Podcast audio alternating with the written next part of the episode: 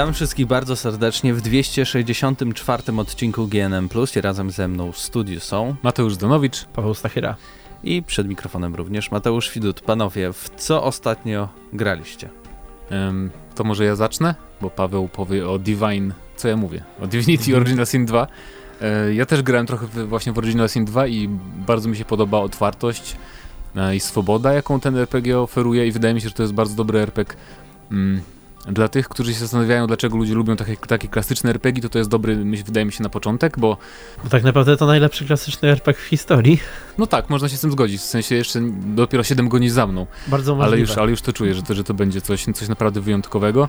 Um, jakby oferuje właśnie najlepsze cechy tych RPGów, które pamiętamy, a nawet więcej, bo to nie jest tylko bardzo dobra i ciekawa historia i ciekawe wątki poboczne i tak dalej, tylko właśnie taka e, bardzo duża swoboda w wykonywaniu questów. Tu się tak naprawdę nie da nic za bardzo zepsuć, nawet jeżeli coś zepsujemy z zadaniem, z czymś tam, to um, zawsze jest jakiś inny efekt, czy inny skutek, który jakoś tam nam wpływa na rozgrywkę i na razie to mi się bardzo podoba. No i ten fakt, o czym już mówiłem chyba kiedyś, że podoba mi się, że dostajemy takie mm, predefiniowane, postacie do wyboru bohaterów, którzy mają swoje historie i backstory i tak naprawdę czuję się jakbym bardziej czytał książkę, niż był tam sobą i to był mój awatar i ja, ja tworzył jakąś tam historię w tym świecie i to też mi się podoba.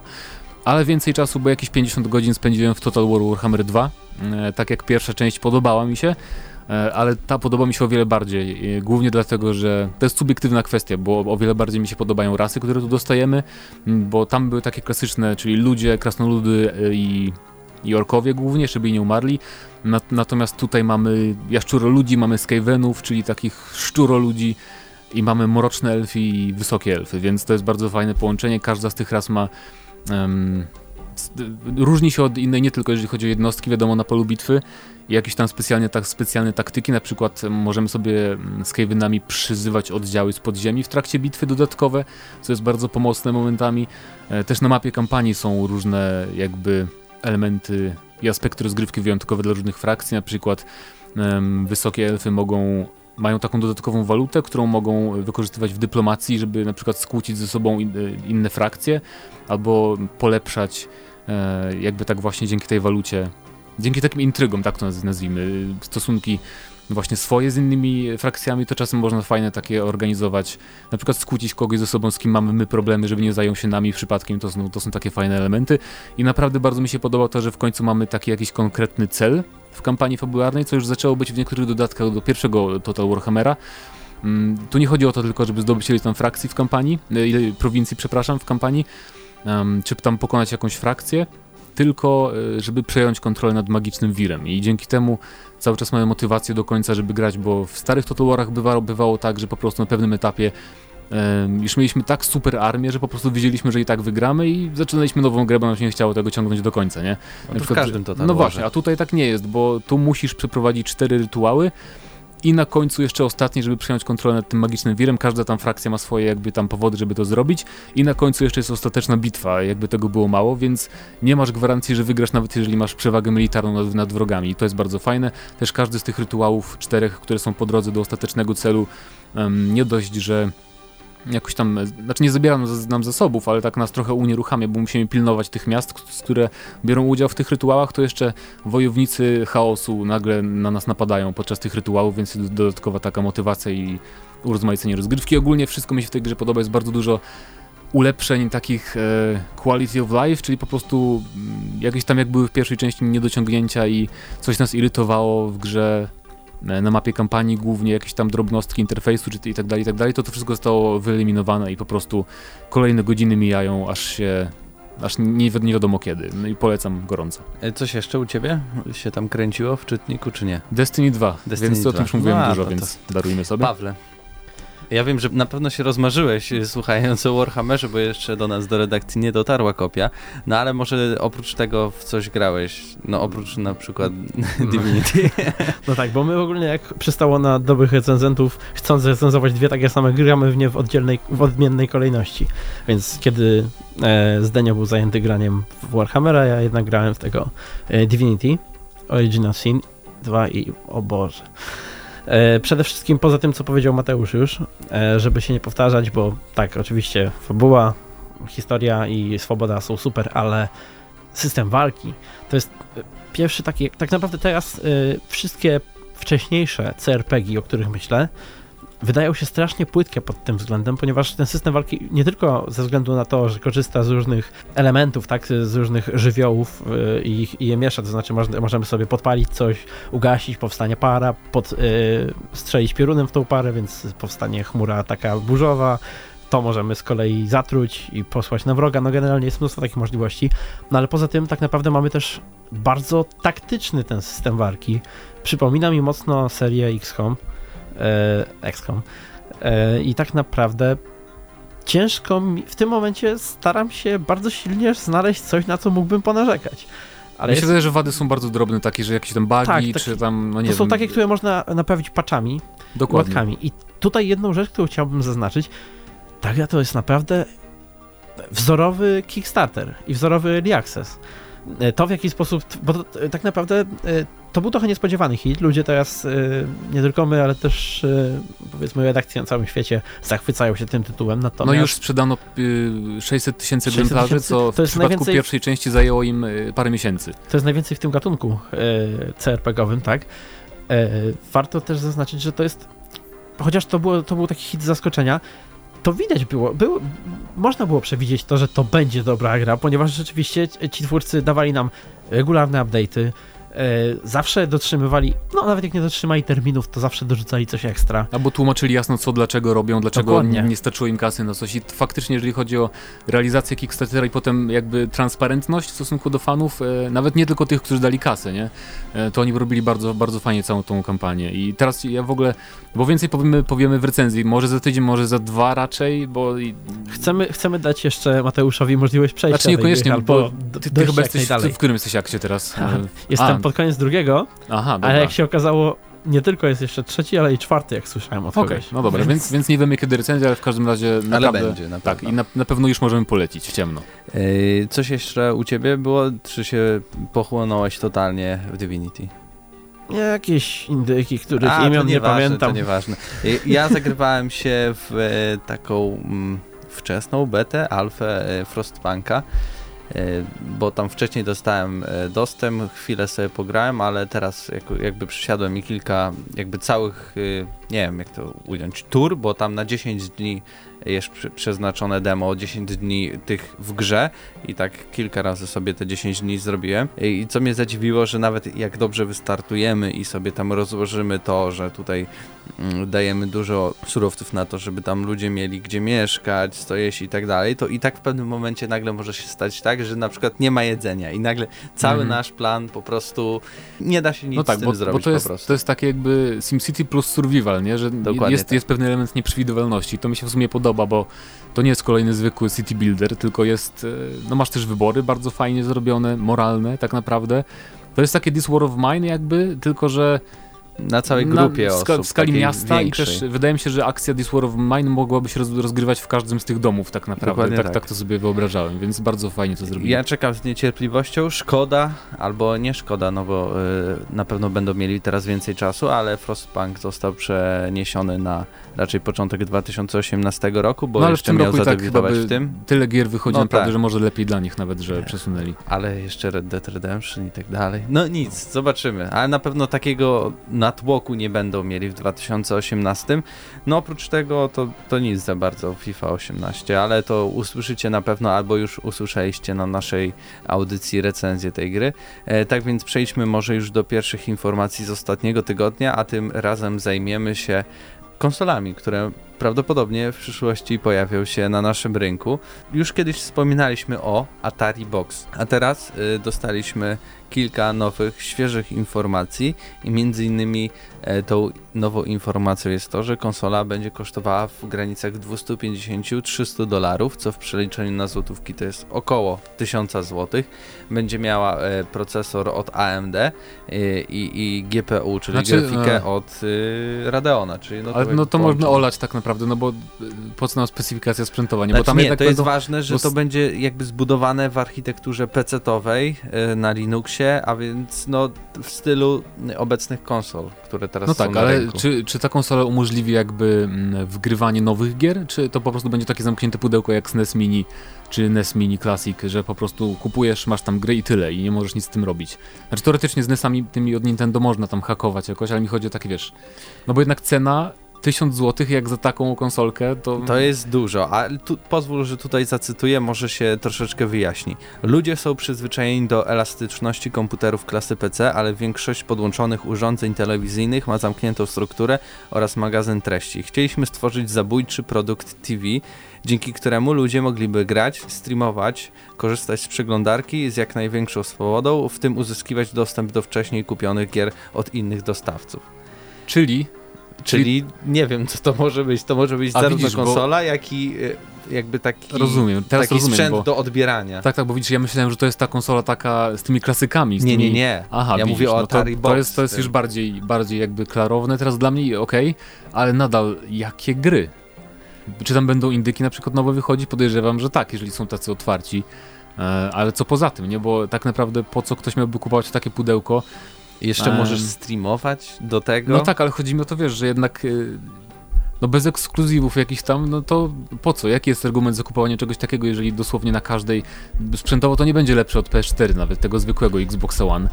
Więc Może to będzie chodzi? po prostu takie pudełko pod telewizor, no bo nie wszystkie telewizory mają smart Znaczy, TV, no zakładam, że tam będą jakieś po- aplikacje. pozwoli Mhm. odpalić te wszystkie aplikacje, ale oprócz tego jak pomyślisz sobie, że chciałbyś zagrać, to sobie zagrasz, nie wiem, w jakieś indyki, No powiedzmy. to, to jest kluczowa kwe- kwestia, nie? co tam będzie, bo tego nie powiedzieli, a to jest dla mnie No, najważniejsze. Niestety tam, tam nic więcej jakby y, informacji nie mamy. Mogę jeszcze y, przywołać tutaj y, drugi cytat, ale on jest e, raczej mniej treściwy. Zdecydowaliśmy się wprowadzić na rynek Atari Box Indiegogo, ponieważ są oni skoncentrowani na dostarczaniu produktów technologicznych i posiadają silną międzynarodową pozycję, bla bla bla bla bla, bla bla bla i tyle. Wszystko jasne. No nie dla mnie to jest dziwne i czekam, bo Atari ma jeszcze prawo do paru tam w miarę tych klasycznych marek, które by mieli na tych starszych konsolach i jeżeli jakoś nie wskrzeszą, nie mówię, żeby robić jakieś tam AAA z grafiką super, hiper, tylko po prostu, no nie wiem, nawet w stylu takim indyczym retro zrobić jakieś nowe odsłony tych serii, bo to by jakoś mogło przyciągnąć, a tak to no... Nie, no to jeszcze ważna informacja, że Atari, tutaj doczytałem, chce zaprosić graczy do wspierania produkcji gier, do, na które oni mają prawa. Wow. W ten sposób. Czyli nie dość, że kupcie naszą konsolę, jeszcze dajcie nam pieniądze na Kickstarterze, żebyśmy dajcie robili nam gry. pomysł. Albo zróbcie gry. Albo, Albo, zróbcie, no no, tak, to też ale- na pewno. No nie wiem, dla mnie to brzmi tak jakoś bardzo, no... Nigdy jest nie byłem... wszystko i nic, ale z drugiej strony na przykład Nintendo Switch też to było wszystko i nic, jak No było dobrze, ale. Nintendo Switch miałeś jednak obietnicę, że w przyszłości dostaniesz te ekskluzywy, już wiedziałeś niektóre z nich jakie będą, nie? A No tutaj tak. w tym przypadku jest zupełnie coś innego i No no nie pytanie, y, Pawle, co ty o tym sądzisz? Co to może być w ogóle z tego Atari Box wyjść? Przede wszystkim, kiedy usłyszałem Indiegogo, yy, zaraz mi się skojarzyła inna konsola, która co prawda akurat przez to nie przechodziła, ale przechodziła przez Kickstartera chyba, tak? Uja? Ui Uja, mówisz, no. tak. I mam wrażenie, że to może być taka e, korporacyjna Uja.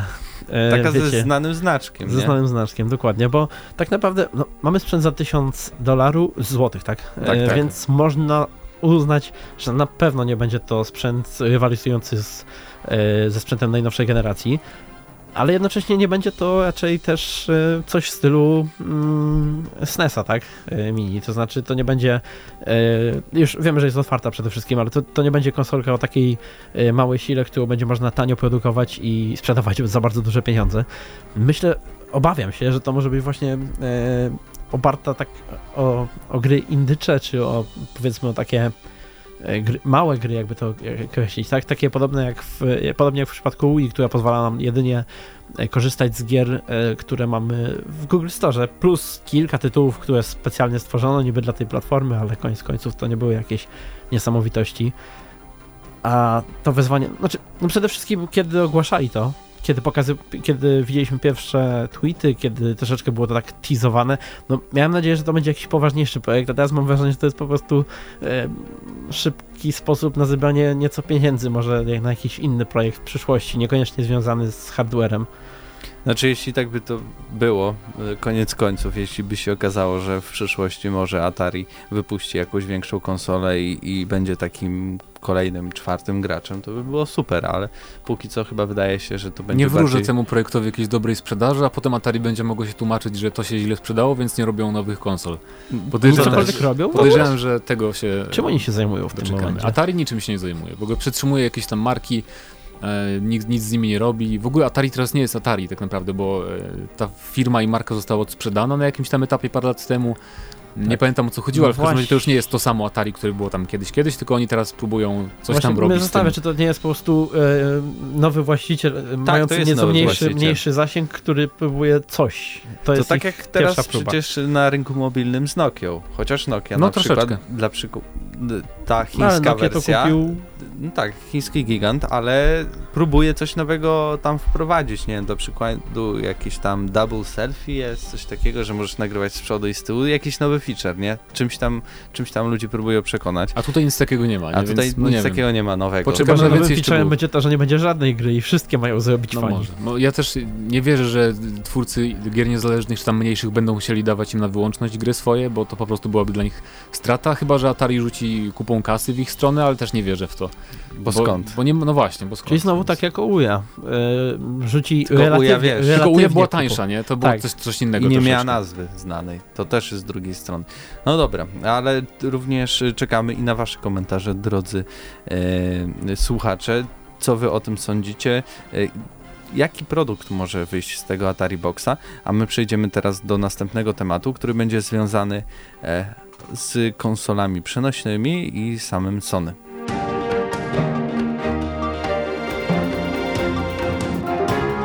Okazuje się, że Sony nie ma w produkcji żadnego handhelda, a Andrew House podkreśla, że nie widzi żadnej szansy na rynku dla sprzętów przenośnych. No cóż, I co znaczy, na to? Mi, wydaje, mi Co się, że wy on, wydaje mi się, że on nie widzi em, jakby z perspektywy Sony, nie? Bo jednak em, wydaje mi się, że Switch pokazał, że chociaż to nie jest nie jest handheld typowy, ja wiem, ale jednak em, bardzo dużo graczy z tego co wiem korzysta w obydwu formach jakby ze Switcha. Ja sam tak gram, że po prostu e, trochę na monitorze czy tam na telewizorze, a trochę właśnie w formie handheldowej.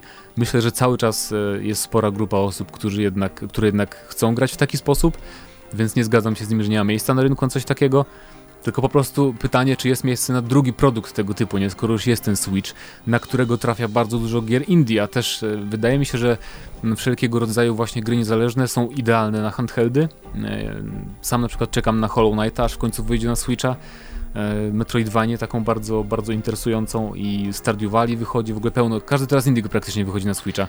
Więc Ale ci twórcy Wydaje mi się, że, dostrzegają. że jest takie miejsce, no bo tak naprawdę patrząc PlayStation 4 Xbox One, to są te same konsole. Znaczy tak, ja też, ja też się zastanawiam, ja, mi chodzi o to, że Sony może tak myśleć, że skoro już jest Switch, to nie ryzykujmy, bo oni też patrzą pewnie na Vita, jak co było z Vitą, ale ten e, jakby porażka Vity w dłuższym tam rozrachunku, to była też wina Sony, bo oni za mało gier po prostu zauważyli tam, że w pewnym momencie sprzedaż spadła i powiedzieli koniec, nie? Nie robimy więcej gier, a moim zdaniem gdyby jednak troszkę tam przycisnęli się bardziej, zaci- zacisnęli pasa, nie wiem, i po prostu bardziej kontynuowali to wsparcie, to Vita byłaby do dziś popularna, bo Vita ma takie bebechy do dzisiaj, że spokojnie dzisiejsze indyki mogłyby wychodzić na Vita, te, które wychodzą nawet Mogłyby. dzisiaj. I to byłaby taka maszynka do indyków właśnie i sporo osób by z niej korzystało. Ale jednocześnie Sony zaznacza, że e, zainteresowane jest bardziej tym rynkiem Y, Konsol smartfonowym, domowych, tak. Nie, Tak. konsol domowych. domowych. y, Bo Znaczy, tutaj y, mhm. I widzisz... smartfonami też. I smartfonami też, ale Ale wspomnieli o smartfonach i co więcej, tutaj jest, nie wiem czy e, doczytałeś do końca, ale jest napisane, że e, utworzyli jakieś e, dodatkowe studio, które ma e, Tak, wyrzucać jakieś Works. nowe gry na, e, na smartfony. I tak naprawdę dzisiaj telefony generalnie mają wystarczające bebechy, żeby utrzymać większość, no może nie, takich, nie tak dosłownie jakichś prostych portów, tak, indyków, e, które wychodzą jednocześnie na na przykład PS4, no ale jakieś mniejsze wersje albo skromniejsze indyki jak najbardziej spokojnie pójdą na No bo oczywiście tutaj. Andrew House mówi, że wszystko to jest problem przez to, jak gracze się zachowują, że zmienili styl życia e, i zdecydowali się, żeby sięgać po smartfony i w ogóle handheldy nie mają e, tutaj prawa bytu. Co ja się nadal nie, nie, nie zgodzę. Nie zgodzę się. Bardzo chętnie bym No zobaczył e, wersję na przykład taki, takiej konsoli pseudo Switch od Sony, gdzie mam mocniejsze bebechy e, i na przykład mam, nie wiem, dłużej wytrzymującą baterię i lepszy ekran zastosowany. Albo przecież e, przypomnijmy, że oni zrobili Remote Play e, i wydaje mi się, że Nintendo trochę ściągnęło od nich ten pomysł, nie? Bo tak naprawdę przenosiliśmy sobie grę z PS4 na Vita i mogliby zrobić coś takiego, że powiedzmy Vita 2 z jakimś tam z o wiele lepszą baterią, mniejsza może troszeczkę, jeżeli chodzi o, nie wiem, chudsza czy coś takiego i właśnie, żeby była dostosowana do wszystkich gier e, z PS4 i żeby, żeby to działało właśnie tak jak Switch, że w sensie mamy tą Vita i sobie przerzucamy każdą grę na, na ten ekran, żeby rozwinęli tę właśnie ideę, nie? Bo to też by pasowało i wtedy posiadacze PS4 mogliby mieć tak naprawdę to, co na Switchu mają posiadacze, posiadacze Switcha, oprócz gier oczywiście Nintendo. Ale mogłoby to mocno skomplikować e, proces e, tworzenia szczególnie tych bardziej e, sztandarowych ekskluzywów. Przecież e, takie gry jak Uncharted, one generalnie, one wyglądają bardzo ładnie na PS4, z, wręcz zadziwiająco ładnie porównując to, jak niektóre e, multiplatformy wyglądają na No tak, ale, ale I to mówisz, to- wszystko wychodzi jednak stąd, że bardzo długo pracuje się nad tym, żeby one były dostosowane do tej architektury PS4. no dobrze, ale, to ale nową, Remote Play na to był streaming. Streamowałeś sobie grę na, na Vita, to nie, ona nie musiała renderować tej gry, nie? I już teraz można grać nawet na No Vicie ze, wszy- na wszystkie eksklu- ekskluzywy, chyba praktycznie większość ekskluzywów na PS4. Na pewno to nie było tak, że pobierałeś grę i grałeś. Nie chodzi mi o crossplay, Aha, no to jestem głupi, tylko chodzi mi o, o streaming właśnie, bo tak to działało. I nie mogli, szkodzi. I mogli, mogliby tę ideę rozwinąć i to by jakoś mogło zadziałać, ale nie wiem, no. Ja teraz mam Switcha, mam 3DS-a, więc ja bym nie, Nie kupił. potrzebujesz. Tak. Nie Chyba, żeby zaoferowali jakieś wyjątkowe ekskluzywy. No nic, zobaczymy. Bardzo, bardzo dziwne zagrania Sony. Wydaje mi się, że też to jest już czas, żeby Sony powiedziało, ej, coś więcej robimy. Wydaje to, wydali to PlayStation 4 Pro. No robią już, bo y, to przy okazji tak po- powiem, że Mhm. mm, studio bodajże, nie, nie, nie jestem teraz pewien w 100%, ale chyba Sucker Punch, y, czyli twórcy Infomusów, mm, dali ogłoszenie o pracę, że pracują właśnie nad jakimś projektem, który ma się ukazać, y, ma być crossgenowy, tak, czyli y, międzygeneracjowy, czyli ma, ma się ukazać na, właśnie na tych konsolach obecnych i na przyszłej generacji, czyli skoro już powiedzmy zaczynają pracę, no czyli tak 3, 3 lata, do myślę, max że 4. Myślę, że w 2020 roku już będziemy mieć PS5 i nowego, nie wiem czy nowego Xboxa, ale pewnie PS5, więc to będzie ekscytujące. I w końcu może doczekamy się 60 klatek i 1080p na konsolę. Zobaczymy. Dobra, przechodzimy teraz już do ostatniego tematu, bo czas nagli, e, a będzie e, nim piractwo. Piractwo na świecie, a przede wszystkim w Unii Europejskiej.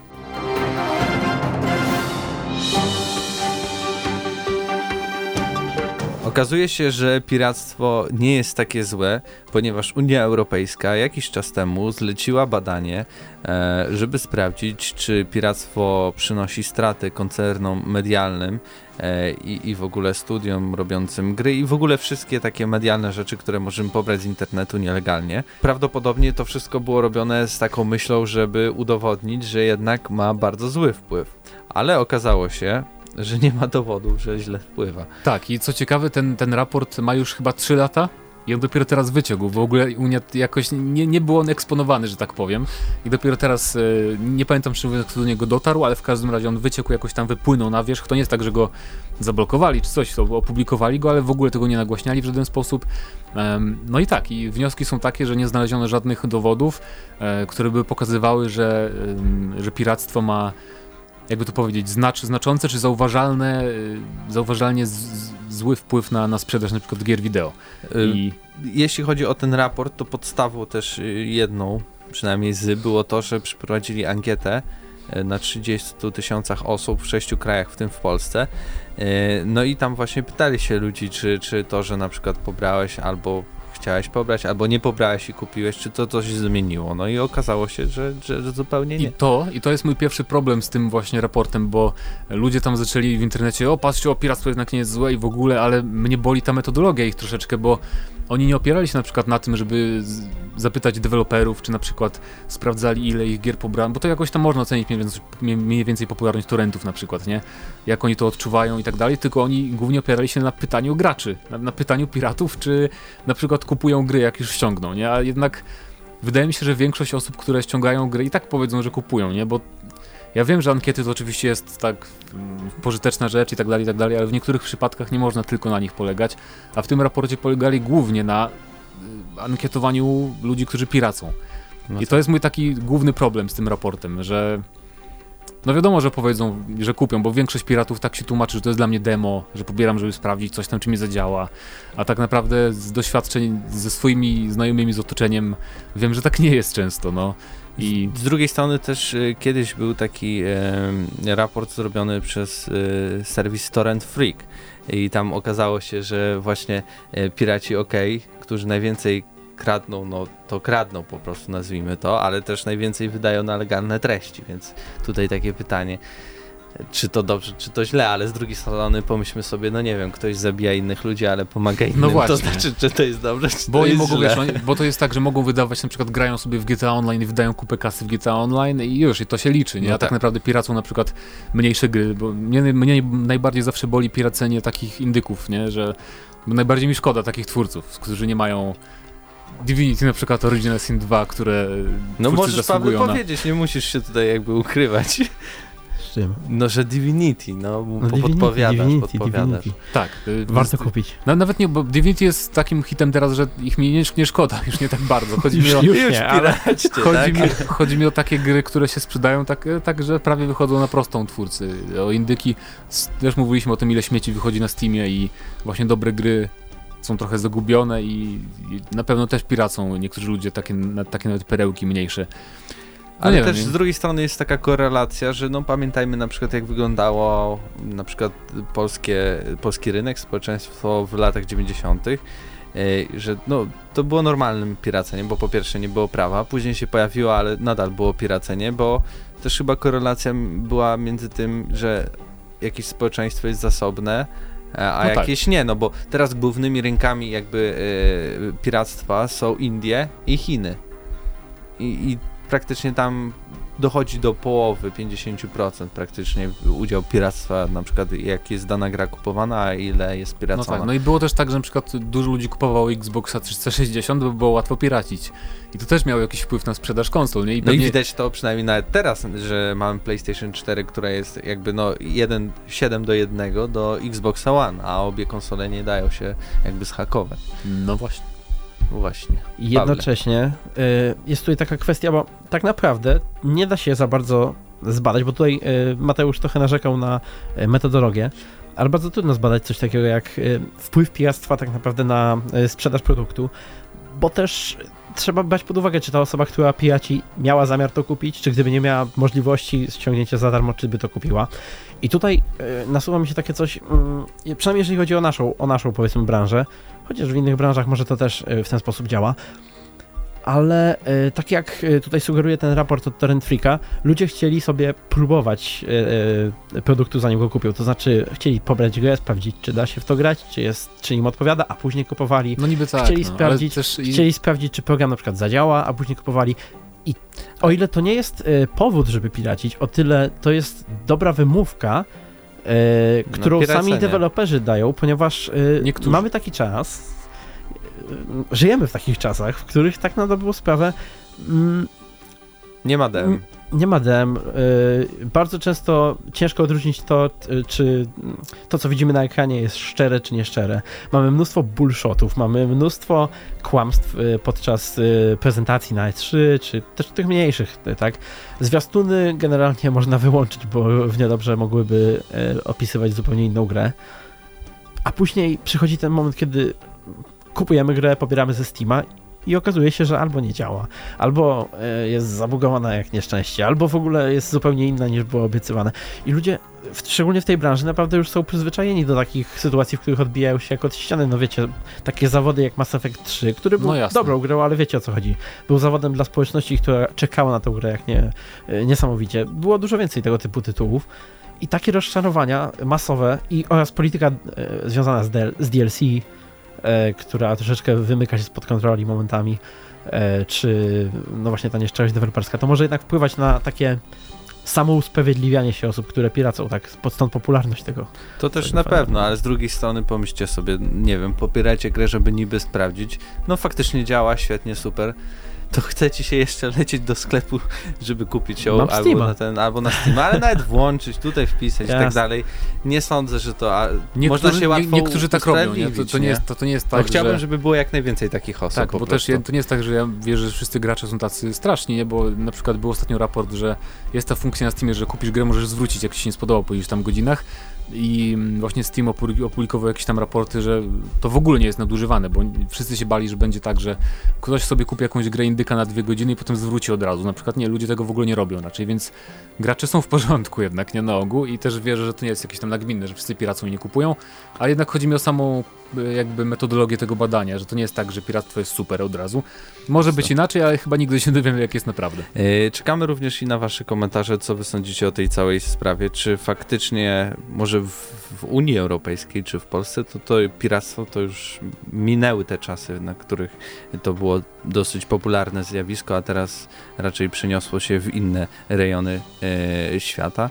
E, no a to był 260 bodaj czwarty odcinek GNM+, razem z Wami byli Mateusz Zdanowicz, I Paweł Stachyra. A, i Mateusz Widut również. E, Do usłyszenia za tydzień, cześć.